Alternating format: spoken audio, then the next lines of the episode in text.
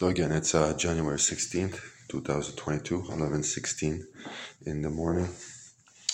Just uh, also thinking about you know the uh, the equipe, the structure there that exists now in some of those very good high-level professional clubs.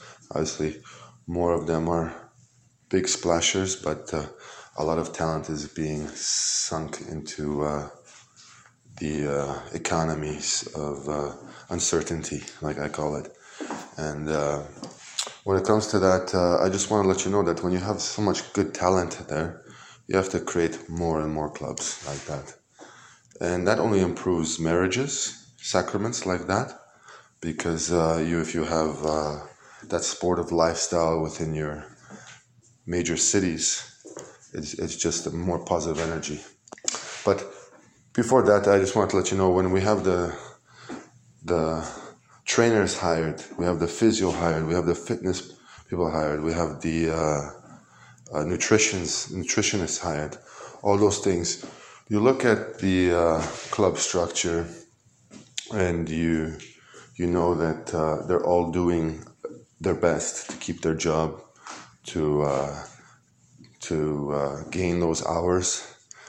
So you have to you have to come up with some kind of good benchmark that says you know if we've uh, reached for example 1600 hours with some of these people throughout the season or you know and say times two times three times four times five uh, you know that uh, you just don't want to go and make a big splash in the transfer market for players like that you you want to give some incentives throughout the season uh, seasons, and uh, you want to make sure that they're valued at the club.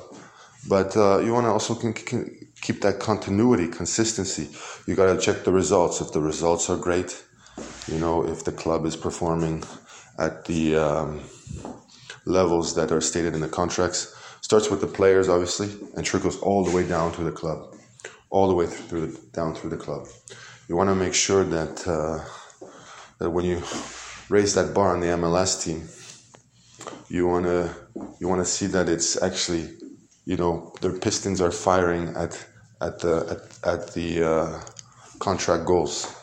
So if we say we want to finish in the playoffs in the MLS in the for example the first five seasons, we want to be in the playoffs in the first five seasons and uh, we want to make sure that that the people we hire, the people that we we uh, send the contracts to or that we receive the resumes from, we want to make sure that uh, they're they're gonna be able to reach those goals and they're gonna be on the same mission plan that uh, the club will be on.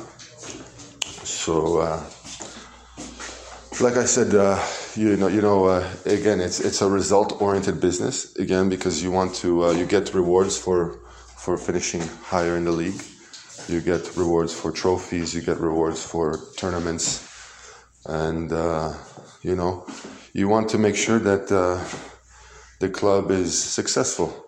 So, and that's that's how as any club goes. But uh, to do that, you have to have the right character, the right attitude, the right field, the right the right stadiums and the right structure uh, behind it. So, like I said, I'm not saying, well, we're just going to create a Holyfield Sporting Stadium and we're not going to have any prayers, you know, and we're just going to win the games.